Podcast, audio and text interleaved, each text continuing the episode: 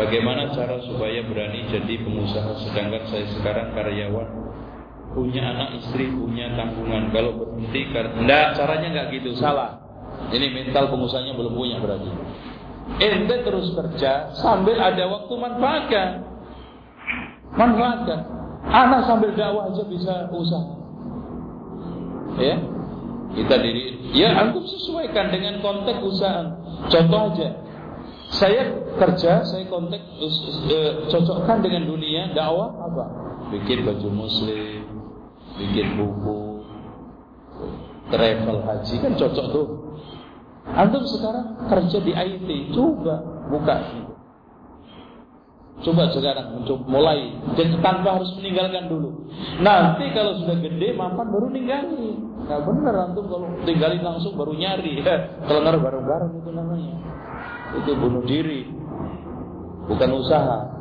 Nah, dan mas, semua orang itu yang berasal dari kecil. Antum eh, antum tahu nggak asal usul lemsiliong jualan di Senen di Keramat barang-barang bekas. Insya.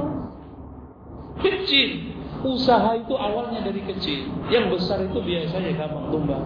Kecil, kuat. Insya Allah. Pelan-pelan. Dan tolong ada suatu kaidah usaha. Biasanya kalau tiga, tiga tahun sampai empat tahun usaha makan kita. Oh, kita robotin sama entek.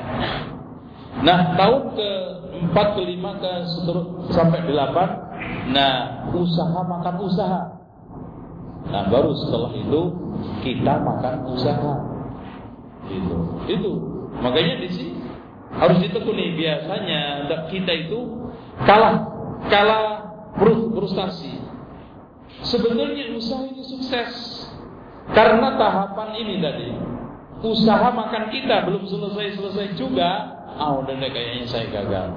Akhirnya ditinggali. Coba lagi, coba lagi. Jadi akhirnya menjadi manusia proposal. Masya Allah, proposal usahanya itu wah segembok. Ada majalah, ada ini. Semua cuma teori. Karena apa? Enggak pernah tahan banting. Coba ini, berhenti, coba ini.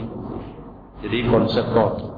Selalu usahanya dikasih catatan dalam konsep. konsep.